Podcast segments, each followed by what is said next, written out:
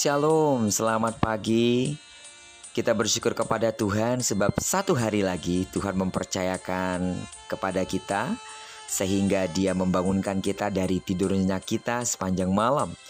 Dan kalau dia telah memberkati istirahat kita dan melindungi kita sepanjang malam dalam tidur kita, kita percaya sepanjang hari ini juga sampai terbenamnya matahari, dia akan tetap menyatakan kuasa namanya sebagai Allah yang Immanuel, Allah yang menyertai kita, dan Dia juga adalah Allah yang memberkati serta melindungi kita. Amin. Sebelum kita lebih jauh melakukan aktivitas kita, mari kita sama-sama kembali merenungkan firman Tuhan yang akan menjadi pedoman dan kekuatan kita.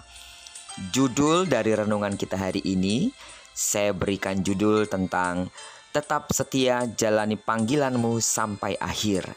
Yang akan kita ambil dari kejadian pasalnya yang ke-23 ayat yang pertama sampai dengan ayat yang kedua saya akan coba bacakan untuk kita semua.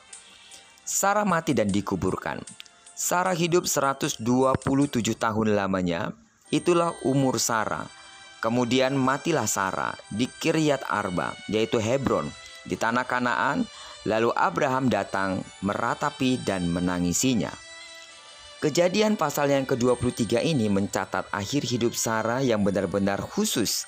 Karena dari ayat pertama kita bisa melihat Sarah hidup 127 tahun lamanya. Ia adalah satu-satunya wanita yang usianya dicatat dalam Alkitab. Hal ini menunjukkan kepada kita bahwa Sarah adalah tokoh yang cukup penting. Kenapa? Itu sebabnya Alkitab secara khusus menuliskan akhir hidup dari Sarah. Sarah hidup sampai berusia 127 tahun lamanya. Sudah tentu ia memiliki banyak pengalaman hidup sehingga ia juga disebut sebagai ibu dari banyak bangsa. Meskipun dalam catatan kejadian tentang Abraham, nama Sarah tidak selalu disebutkan. Namun tidak berarti iman Sarah tidak sebesar iman Abraham. Sebab ketika Abraham beberapa kali menghadapi kegagalan dan Sarah menghadapi berbagai ujian, ia tetap setia mendampingi suaminya dalam mengikuti panggilan Tuhan. Ia tidak tahu apa yang akan terjadi depan, maka ia hanya mengandalkan Tuhan, mendampingi suaminya Abraham dan berjalan terus. Selain itu, ketika Ishak akan dipersembahkan kepada Tuhan, ia bersedia membiarkan Abraham membawa anak mereka satu-satunya ini juga menunjukkan iman Sarah cukup baik kepada Tuhan. Karena itu iman yang dimiliki Sarah bukan iman biasa, tapi juga iman yang luar biasa. Dari bagian firman Tuhan ini juga kita melihat bahwa memang sejak awal tanah perjanjian itu diperoleh dengan tidak mudah. Tanah yang dijanjikan Allah itu dimulai dengan kuburan yang harus dibeli oleh Abraham. Ketika Abraham mau menguburkan jenazah Sarah, ia membeli sebuah gua dan ladang kepada Bani Het. Dari bagian ayat firman Tuhan hari ini, yang saya mau sampaikan sekali lagi bahwa penekanan utamanya tentang masalah kehidupan. Pada akhirnya, hidup manusia ada kesudahannya. Yang jadi pertanyaannya adalah, bagaimana kita harus mengisi hidup kita? Sarah meskipun tidak banyak disebutkan, tapi Alkitab mencatat akhir hidupnya karena Allah berkenan kepada dia. Jadi, bagaimana kita mengakhiri perjalanan hidup kita? Hari kelahiran itu penting. Akhir kehidupan juga penting.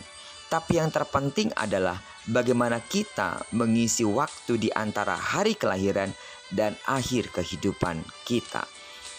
Meskipun kita tidak peduli bagaimana orang menilai kita, tapi hasil dari akhir kehidupan kita adalah tergantung bagaimana kehidupan kita selama ini. Tujuan akhir kita adalah menjadi hamba yang setia dan baik di hadapan Allah. Karena itu, anak-anak Tuhan, mari sama-sama terus mulai belajar mengisi hari-hari kita dengan hal-hal yang baik, dengan hal-hal yang mulia. Karena untuk itulah kita ditebus. Untuk itu pula lah kita dipanggil, yaitu untuk memuliakan nama Tuhan. Anak-anak Tuhan yang saya kasihi di dalam nama Tuhan Yesus. Tentu tidak mudah kita menjalani setiap musim dalam hidup kita. Namun jika kita taat pada panggilan Tuhan, menyerahkan seluruh kehidupan kita, maka hikmat dan kekuatan yang daripada Allah akan memampukan kita mengisi hari kita dengan memuliakan Tuhan senantiasa. Terpujilah nama Tuhan, kiranya perenungan kita hari ini menyemangati hati kita, menyemangati roh kita untuk melakukan hal yang seharusnya kita lakukan sebagai anak-anak Tuhan. Diberkati kita bersama dengan orang-orang yang kita cintai dan diberkati kita bersama dengan orang-orang yang kita kasihi. Amin.